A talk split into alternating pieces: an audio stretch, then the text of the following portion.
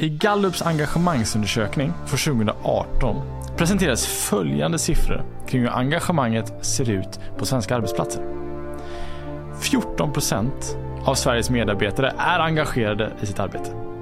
75 procent är oengagerade och saknar engagemang. 11 procent är aktivt oengagerade medarbetare som inte trivs och sprider negativ energi. En engagerad medarbetare vet vi driver högre lönsamhet, mer innovation och kreativitet. Någonting måste göras. Frågan är bara vad?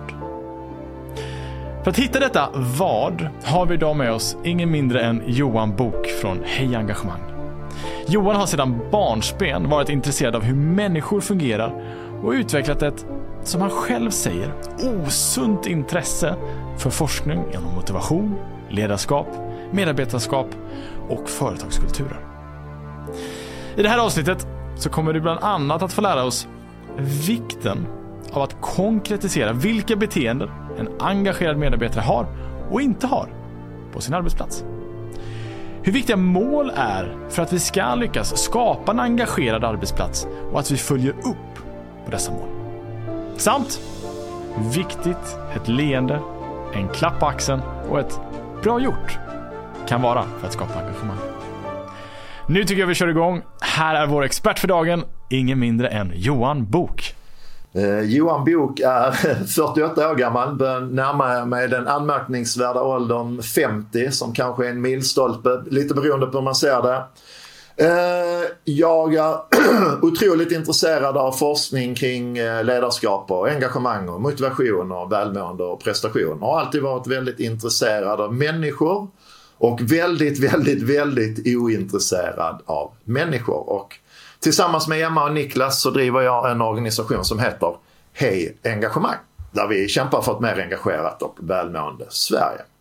Det kanske räcker som en liten intro. Perfekt introduktion. Jag tror att vi kommer få lära känna dig ännu mer eh, med tiden vi pratar här. Eh, jag ja. tror att många eh, känner igen dig eller vet vem du är från ditt engagemang på, på LinkedIn och din generositet på LinkedIn. Många har nog också läst någon av dina bästsäljande böcker, Ledarutmaningen eller Börja göra. Om, ja. om vi börjar i böckerna, vad var det som fick dig att först skriva Ledarutmaningen? Eh, ledarutmaning. Det var, jag har faktiskt bott i Göteborg några år när jag var yngre och hängde i ett bokantikvariat i Haga. Jag har alltid älskat böcker och liksom Speciellt gamla böcker och det kan man kanske så här när det har varit coronatid och att det är massor av folk som har pillat på dem och kanske inte är så härligt.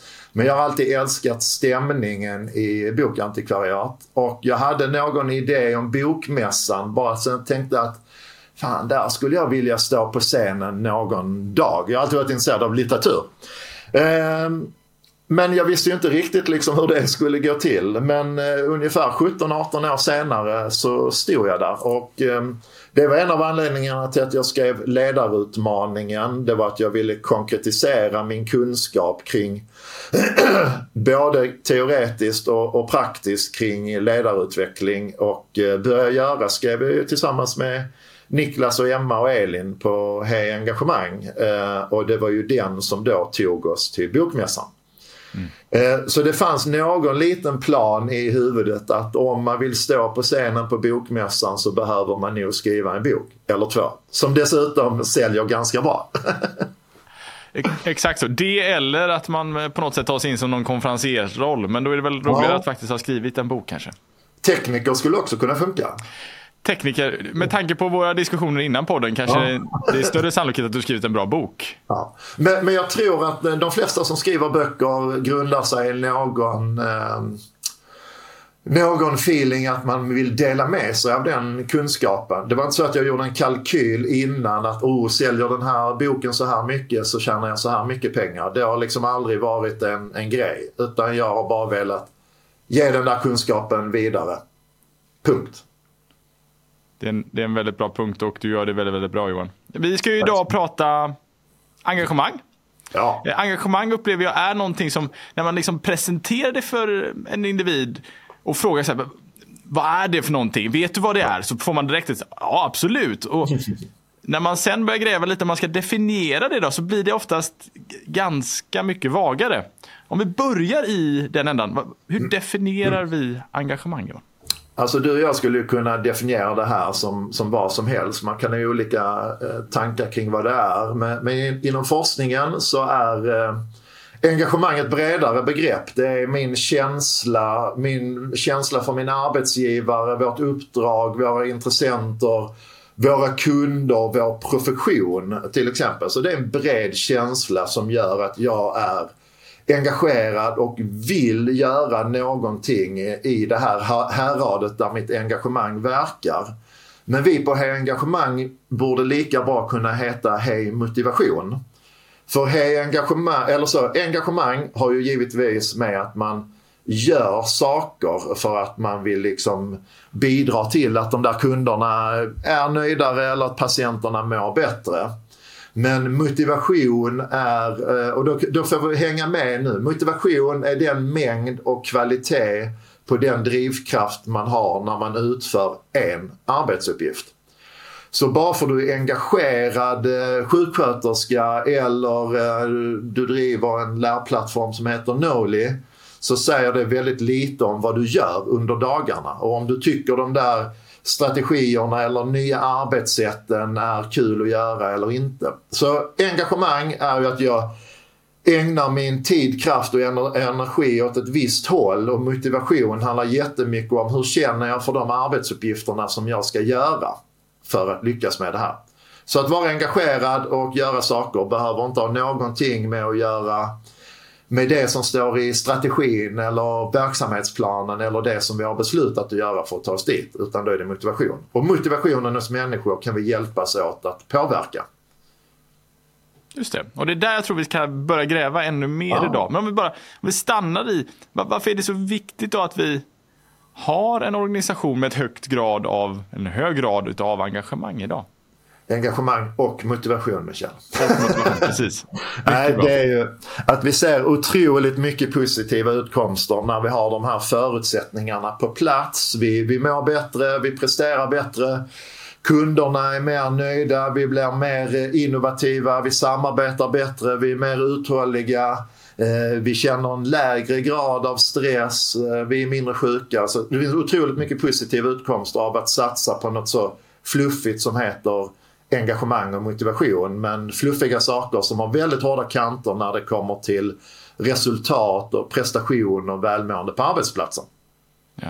Och du var ju inne och, och touchade på det här men skulle du kunna beskriva en, en typisk situation i en arbetsvardag? Och här kan du välja vilken roll som helst egentligen men en typisk situation i en arbetsvardag där det blir annorlunda när jag har just en hög grad av engagemang och jag är motiverad i den arbetsuppgiften.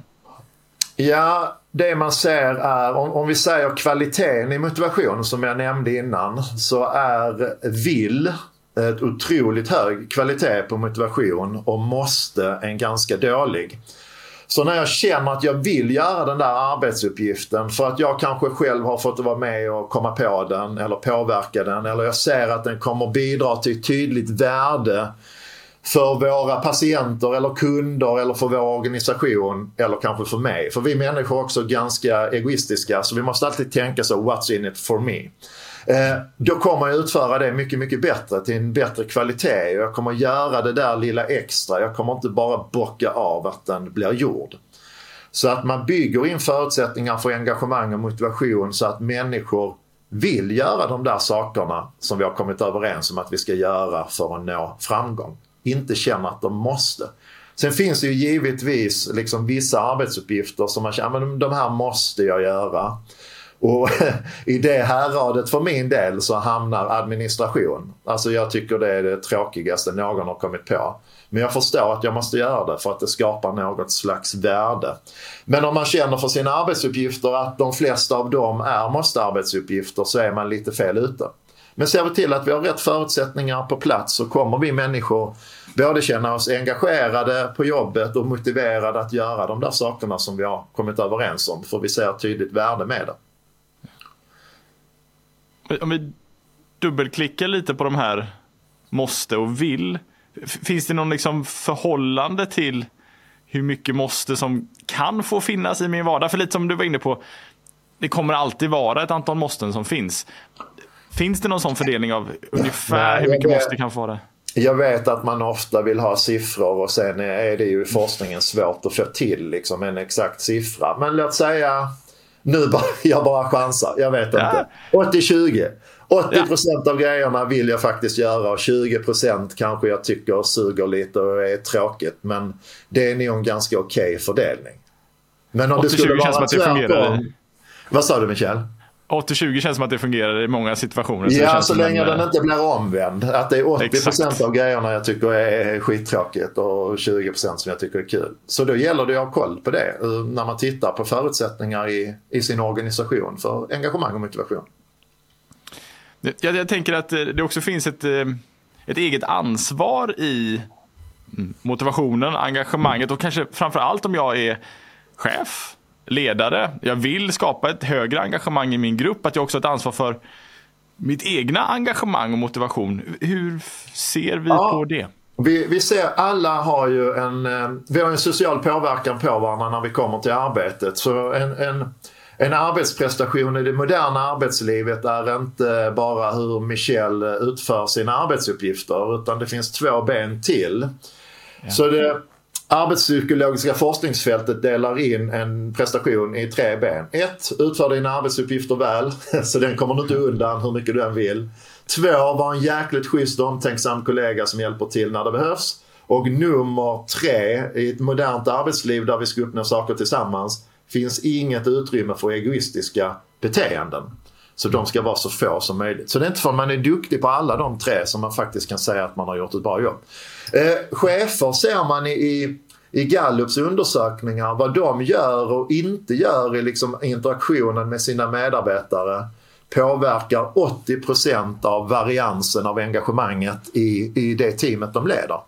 Så cheferna påverkar ju otroligt mycket. Men cheferna måste ju också ta ansvar. Jag har ju ansvar för mitt eget engagemang och välmående och prestation. Men jag är också delansvarig för ditt Michel när vi kommer till jobbet. Att jag strösslar med beteenden som får dig att känna att det är roligare på jobbet till exempel. Att du känner dig mer uppmuntrad och synliggjord. Men de behöver också ta eh, ansvar för sitt engagemang och välmående och prestation. Så det som jag säger som chefer ska ge sina medarbetare, det ska de ju få exakt samma sak av sin chef. Så när det kommer till 100% ansvar så måste man liksom någonstans ta ansvar för att rannsaka sig själv. Vad är det jag behöver vara på plats för jobbet för att jag ska må så bra och prestera så bra som möjligt och vara tydlig med det mot sin omgivning. Det är liksom det första, att försöka få till det. Podden fortsätter strax, men först några korta ord från oss bakom podden. Låt väl valda experter utbilda dig.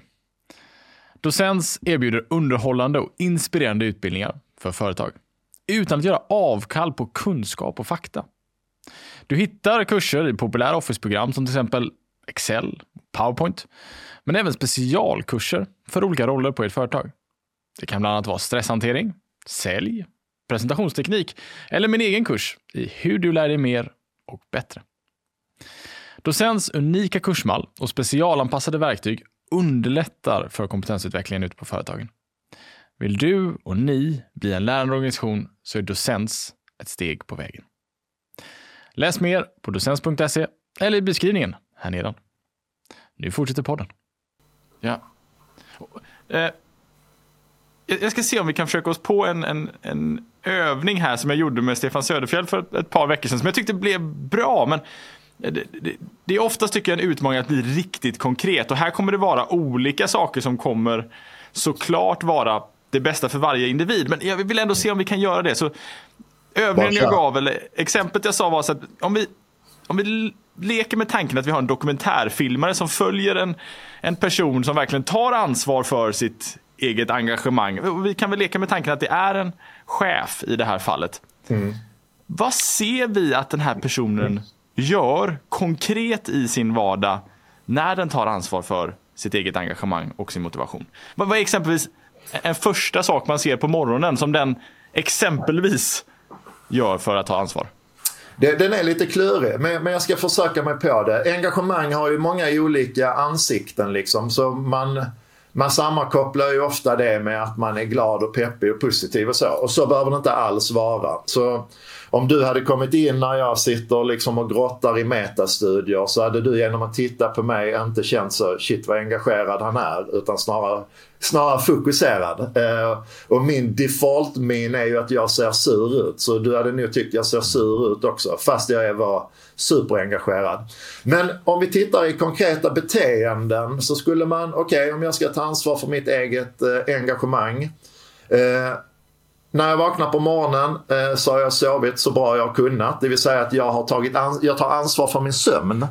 För det är en av de bästa återhämtningsaktiviteter som finns och den slarvar vi ofta med när vi inte tar 100% ansvar för vårt engagemang och välmående och prestationer.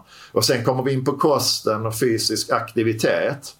Eh, men när vi då kommer in på arbetsplatsen eh, så skulle jag vara att jag tar ansvar genom att eh, prioritera och planera min dag. Eh, alltid se till att det finns luft i min agenda mellan möten till exempel. Eh, jag har i mitt team, om, om jag är chef, diskuterat vilka beteenden är vi tillsammans övertygade om kommer skapa en fantastisk arbetsmiljö där vi mår och presterar bra och där vi lyckas med det som vi tar oss för å ena sidan. Och vi har dessutom definierat beteenden som vi aldrig vill se. Det vill säga beteenden som vi eh, är övertygade om raserar vår arbetsmiljö och inte får oss att må toppen och, och prestera bra och lyckas med det som vi tar, eh, tar oss för. Och enda anledningen till att man gör det, det är för att vi ska kunna ge varandra konsekvenser på saker och ting. Alltså nu gör Michel det där som vi har sagt att vi ska göra. Då har vi ett gemensamt ansvar att uppmuntra honom och varandra när vi gör det vi har kommit överens om. Men vi har också ett ansvar att ge varandra konsekvenser om eh, Michel till exempel är lite otrevlig i ett möte. För då blir det mycket enklare. För då har vi ju kommit överens om att man inte ska vara. Så då kan jag säga till men du Michel, det här har vi ju pratat om att vi inte ska vara. Så våra beteenden styrs otroligt mycket av konsekvenser. Och om vi tittar i din organisation Michel, eller, eller i min, eller vilken organisation som helst som vi kommer in i. Så är det ju de samlade beteendena, summan av dem kommer avgöra organisationens framgång. Det är våra beteenden som gör om vi får en fin arbetsmiljö eller inte. Det är våra beteenden som gör om vi utför våra arbetsuppgifter väl eller inte. Det är våra beteenden som gör om våra kunder kommer vara nöjda eller inte. Så vi måste ha fokus på beteenden som främjar att vi mår bra och presterar bra på arbetsplatsen. Det vill säga att vi alla tar ansvar för att bygga in de där pusselbitarna med förutsättningar för engagemang och motivation och välmående och prestation. Men då måste man ju veta vad pusselbitarna är. Ja. Jag tror det, det som blir en tydlig insikt för mig direkt är att för att kunna vara engagerad och, och motiverad så behöver man också gjort förarbetet innan korrekt. Alltså det behöver lägga, lagts en grund för att ha ja, ett engagemang på arbetsplatsen. Ja. Vi pratade om måste och vill innan och, och då kan man ju gå tillbaks. Då gör jag de här sakerna på arbetet för att jag måste men jag är pepp på slutresultatet. Eh, mm. Men då har jag en dålig kvalitet i motivationen och då kommer man inte med att prestera så bra över sikt. Så man kan säga så här att vi borde alla liksom bygga arbetssituationer där vi älskar processen. Alltså, vi älskar att göra det som vi gör på jobbet för då har vi en hög kvalitet på motivationen och då kommer också resultatet bli bättre. Eh, men ibland blir man väldigt resultatfokuserad så gör man vad som helst för att nå det där målet där borta istället för att njuta av vägen dit också. Och det betyder ju inte att det ska, inte ska vara rejält utmanande.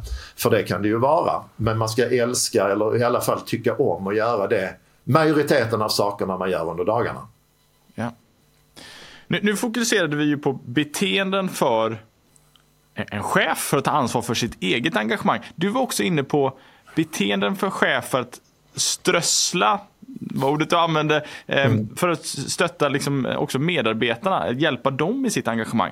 Ja. Vad är exempel på saker som chefen kan göra just i strösslet? Vad är konkreta beteenden här? Strössel, eh, vara nyfiken på hur det går med de där sakerna vi har kommit överens om att vi ska göra.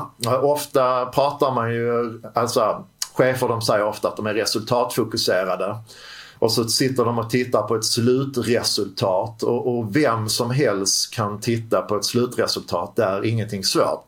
Eh, att vara resultatfokuserad på riktigt, då är man superintresserad i huret, i, i det som vi gör.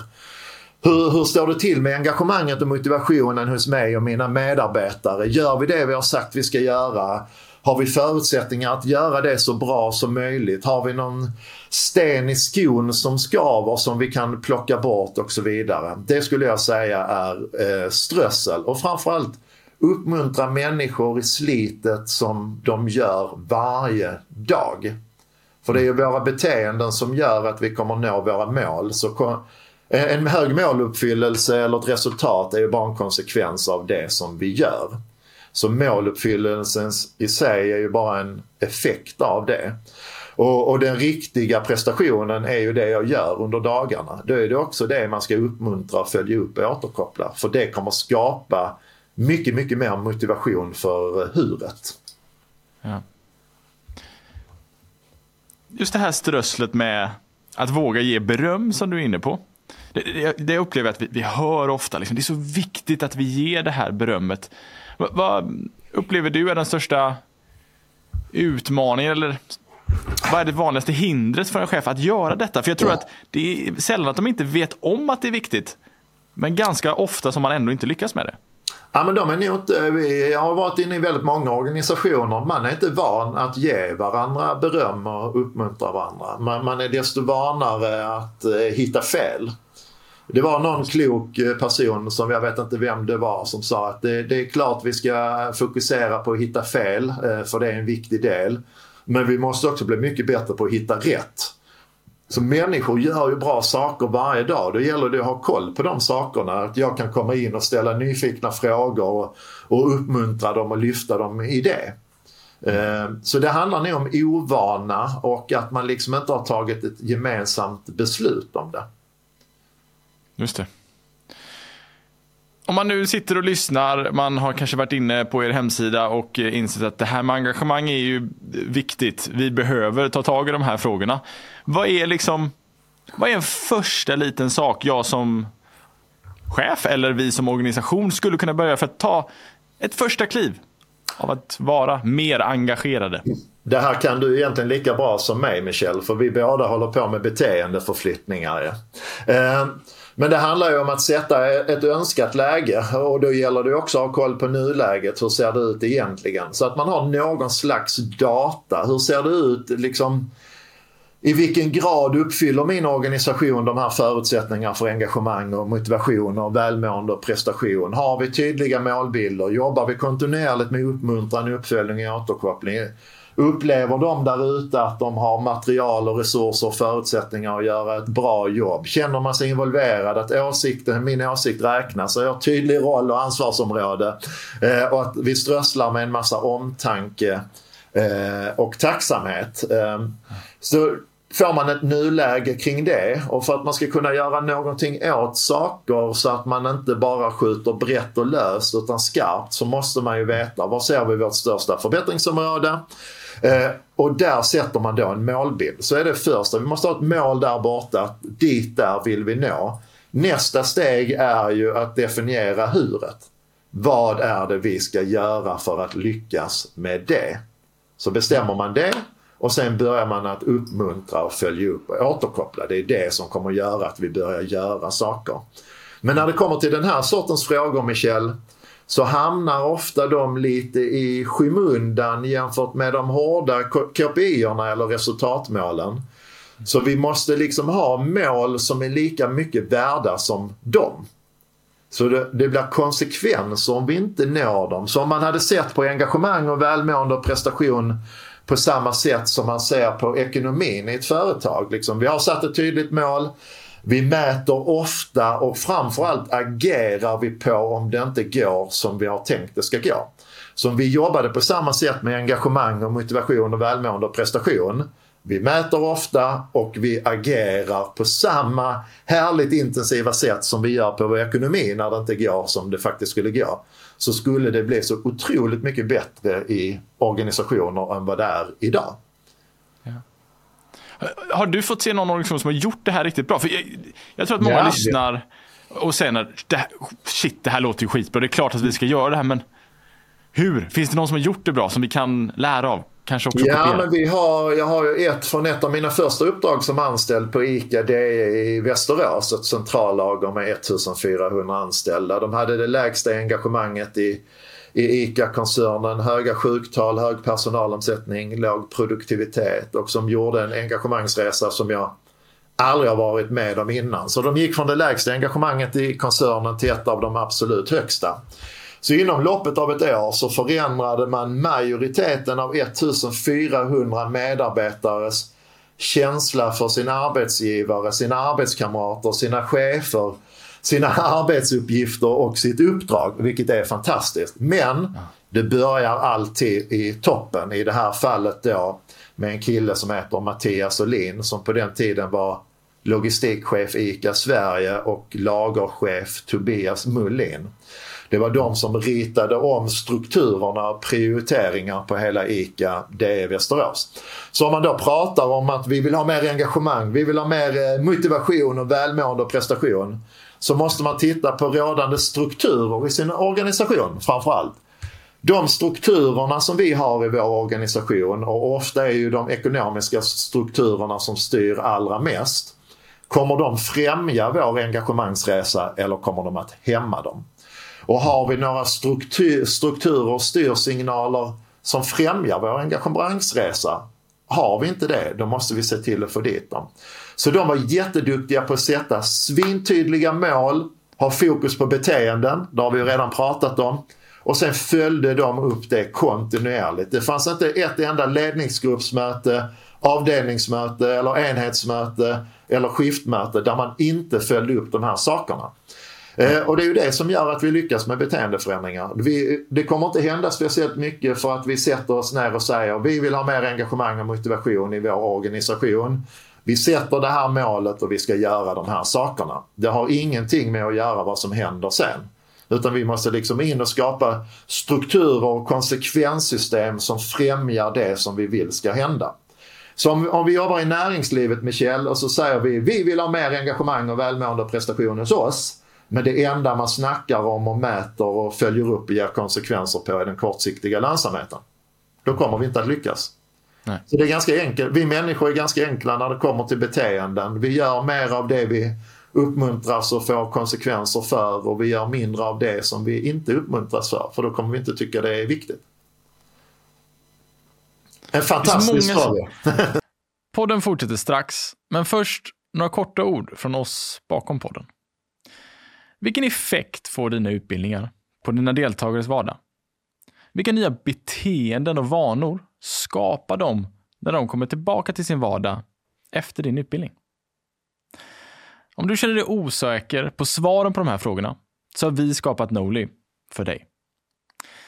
Vi på Noli har utvecklat ett digitalt verktyg där du som ansvarar för en utbildning kan erbjuda dina deltagare personliga lärresor som stöttar dem före, mellan och efter era träffar. Optimalt era ledarprogram, men också för er onboarding, där inte bara medarbetarna, utan också medarbetarnas chefer får rätt stöd i precis rätt tid. Ett perfekt komplement till ert existerande LMS för att maximera effekten av er ledarutveckling och er onboarding. Är du nyfiken på att veta mer om Noli så finns det mer information på noli.com eller i beskrivningen här nedan. Nu fortsätter podden. Ja, och det är så många saker jag vill liksom egentligen dyka in i här, för jag tror det du säger kring beteenden blir så viktigt. Att, det, att vi konkretiserar ner det till vad är det faktiskt och praktiskt jag gör och när gör jag de här sakerna? För oftast blir vi på en nivå upp där det blir ganska luddigt för mig. Där det blir just beskrivningen engagemang. Okej, okay, mm. vad är det? Vad gör jag då? När vi får det in i beteenden som är tydligt. Här, det vi vill se är detta i den här situationen. Ja, Då kan vi, folk börja göra rätt. Vi skulle kunna säga så här. Ju, om vi tittar, det är ju viktigt att det börjar i toppen. För om man inte har med dem så är sannolikheten att det händer ganska låg. Och då kan man börja med att titta på vilken människosyn har de? Alltså så, hur ser de på sina underställda chefer och medarbetare? Är det människor som behöver kontrolleras och styras i detalj? Eller så ser man det som liksom 1400 stycken superhjältar som vi har tillgång till som kan göra fantastiska saker om vi ger dem rätt förutsättningar att faktiskt göra det. Och det är ju två helt vitt skilda sätt att se på sin organisation där jag skulle förorda eh, att man gör det sistnämnda. Att man ser det som superhjältar men vi måste ge dem förutsättningar att känna det där höga engagemanget och motivationen för det som vi tar oss för. Ja. Jag är lite nyfiken på att dyka in i ditt lärande idag. Hur du utvecklar dig själv. Nu har vi pratat en hel del liksom om förflyttning och utveckling av en organisation, ja. viktigt att driva engagemang. Om vi tittar på dig. Hur jobbar du för att uh, lära nytt och ständigt utvecklas? Jag vet att du slukar forskning som bara ja, den, men vad, vad mer gör du? Uh, jag har ju pluggat på tok för många år på universitet och högskola. Jag älskar att lära mig saker. Uh, men nu är det otroligt många år sedan jag gick eh, någon slags utbildning. Jag har ju anmält mig till din ju. Det, du ska säga, det, det, är väldigt många år sedan jag gick en utbildning. Ja, men dels så, vi är ute i väldigt mycket uppdrag och vi lär oss ju otroligt mycket där. Eh, jag har läst otroligt mycket managementlitteratur. Jag läser inte eh, böcker lika mycket som förr. Men jag läser enormt mycket olika studier och framförallt metastudier tycker jag liksom är det bästa att ge sig in i istället för att bara titta på en enstaka studie som kan visa en sak. Vilket ju inte behöver betyda att det ligger någon större sanning i det. Eh, så jag hänger, Google Scholar är en cool grej att hänga på. Det finns något som heter um, SEBMA, Center of Evidence-Based Management.org, sebma.org. Där hänger jag också mycket. Men framförallt så nyttjar jag ju plattformen LinkedIn. Så om man följer eh, människor där och jag tycker det är otroligt intressant eh, att följa forskare. Så ju mer jag interagerar i deras eh, inlägg desto mer kommer jag se av dem. Så jag har på något sätt skapat ett flöde som förser mig varje dag med saker som jag tycker är intressant. Sen väljer jag och vrakar i det. Men jag, varje dag ska, kan jag säga att jag förkovrar mig på, på något sätt. Antingen genom saker jag lär mig i uppdragen, genom mina arbetskamrater eller genom all den forskning man har tillgång till. Antingen i databaser eller på LinkedIn. Så jag är nog väldigt mycket mikrolärande och ganska få liksom, nu går jag en utbildningsdag. Det händer otroligt sällan. Så mikrolärande skulle jag säga är min, min grej. Mm. Vad, vad är en av de investeringar som du har gjort i dig själv historiskt som du själv ser har varit absolut mest värdefull? Och det, det kan vara både investering i tid, det kan vara att skapa den här typen av eh, mikrolärande i LinkedIn. Men vad är den investeringen som du själv ser har varit mest värdefull? Eh, min bästa eh, investering skulle jag definitivt säga att ta beslutet att skaffa barn. den, den blir inte bättre än så. Men du kanske vill ha någonting mm. mer arbetsrelaterat? Jag vet inte. Nej, jag tycker att det, är en ack så väl. Jag tror att eh, är det någon, är det någon relation man verkligen lär sig så är det relationen med sina barn. Ja, nej, det är mitt, eh, mitt bästa beslut eh, någonsin skulle jag säga. Ja. Det får de andra besluten att eh, förefalla ganska obetydliga. Ja. Mm. Du, nu var du inne och touchade på det här, men vad är en vana som du har som du är själv väldigt stolt och glad över att du har och som hjälper dig mycket i din vardag? Du pratar om ja, LinkedIn. Då kommer vi liksom... tillbaks till, eh, jag pratar ju om att jag mikrolär mig mycket och som jag har lärt mig av min mamma att eh, jag kallar det för mikronjuta. Mm. Eh, och jag är, en, vad ska man säga, jag är en ganska enkel person. Så om, om du och jag tar en kopp kaffe Michelle så kommer jag tycka att det är världens lyxigaste grej. Eh, och då ser jag till att det finns sådana saker i min vardag och ju lättare jag har att få till det desto större är sannolikheten att jag kommer att göra det. Så, så mitt lilla kontor som jag har där jag sitter mm, det ser ju bara ut så här liksom. Det ser man kanske inte om man bara lyssnar. Men jag har bara 100 meter ner till havet så jag kan eh, året om gå ner och doppa mig när jag känner för det. Och det blir som en, en lyxresa till Maldiverna för min del. Och då får jag göra det. Om jag ändå bara gör det i 10 minuter så kommer det vara fantastiskt. Så jag försöker ha lite så här mikronjutning varje dag. Även om det bara varar i några minuter. Fantastiskt. Så det är en jättebra vana. Att inte acceptera en dag utan att man får mikronjuta någon gång i alla fall. Så någon form av mikroläring, någon form av mikronjutning. Där har man en ganska ja, shit, bra recept mikro, för. Jag bara mikrar hela tiden. Men det stämmer nog väldigt väl. Um, jag har ganska så här short attention span dessutom. Så det blir nog mycket mikrogrejer. Och jag tror att det, det rimmar väl med hur mångas vardag också ser ut. Det går inte att liksom lägga in jättestora investeringar liksom i, i tidsblock för individer. Utan det behöver vara någonting som är litet som man kanske också ganska direkt får en snabb belöning på och får känna det här uppskattade jag. Det här vill jag göra mer av. Ja. Vi, vi på engagemang pratar ju om lilla stegets kraft. Alltså, ju, ju fler små steg vi kan ta i rätt riktning desto bättre kommer det att bli. Och ju mindre stegen är desto enklare är de att ta. Och lite ja. så kan man nog säga på en organisation också att om vi vill bli en engagerad och motiverad och välmående och högpresterande organisation så ska vi nog titta på vad är det för massor av små steg som vi kan börja ta åt det hållet så man inte tar hela kakan på en gång för då kommer motståndet bli så stort. Utan att vi tar små steg väldigt strukturerat hela jäkla tiden så kommer det bli mm. bättre över tid. Där kunde jag inte hålla med dig mer. Och det, det tar oss lite in på eh, ett ämne och ett område som eh, är ganska gemensamt för de flesta av våra lyssnare. Eh, intresse för böcker. Jag brukar alltid avsluta med att fråga, vad är en bok som du önskar att fler hade läst eller som har haft väldigt stor påverkan för dig Johan? En bok, eh, nu kanske du tror jag skulle komma med någon maffig forskningsbaserad bok, men det gör jag inte. Jag läste en bok när jag var yngre som heter Mom eller kampen om tiden, heter den. Har du läst den? Det har jag inte gjort. Då tycker jag du ska göra det. Det är en fantastisk bok. Det är egentligen en, en sagoroman om en hemlös flicka som lever i en ruin i en liten stad och den där flickan är otroligt duktig på att eh, lyssna. Och det är ganska få människor, inklusive jag själv, som är duktiga på att lyssna.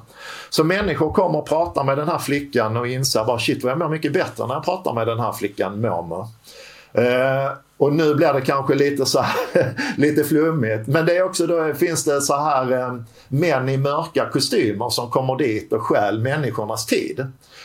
Så då har de inte tid att gå till den här flickan Momo längre och så mår de sämre och sämre. Och den boken är från början på 70-talet någon gång och jag tror jag läste den när jag var 14-15 år. Och det är nog den som spelat mest roll för mig kring hur jag ser på tid. Att jag är, jag är väldigt rädd om min tid helt enkelt. Och jag vill att min tid ska bestå av saker som jag tycker om att göra.